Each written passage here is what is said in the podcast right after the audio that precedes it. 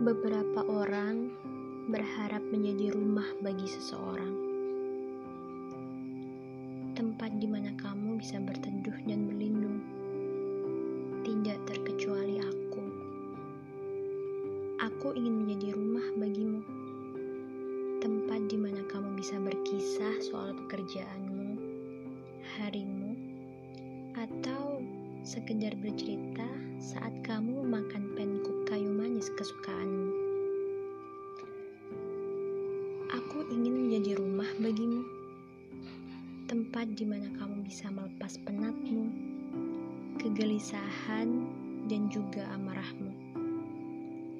Tapi, apakah aku harus mengatakan maaf karena aku bukan rumah terbaik?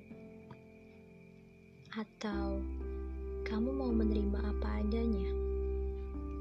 Meski sebenarnya ada sedikit bocor di area dapur, tapi ternyata kamu masih mau membenahinya. Terima kasih ya.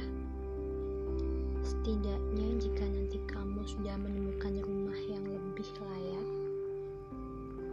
semoga kamu tidak lupa bahwa aku dulu sempat menjagamu dengan baik. Semoga ya.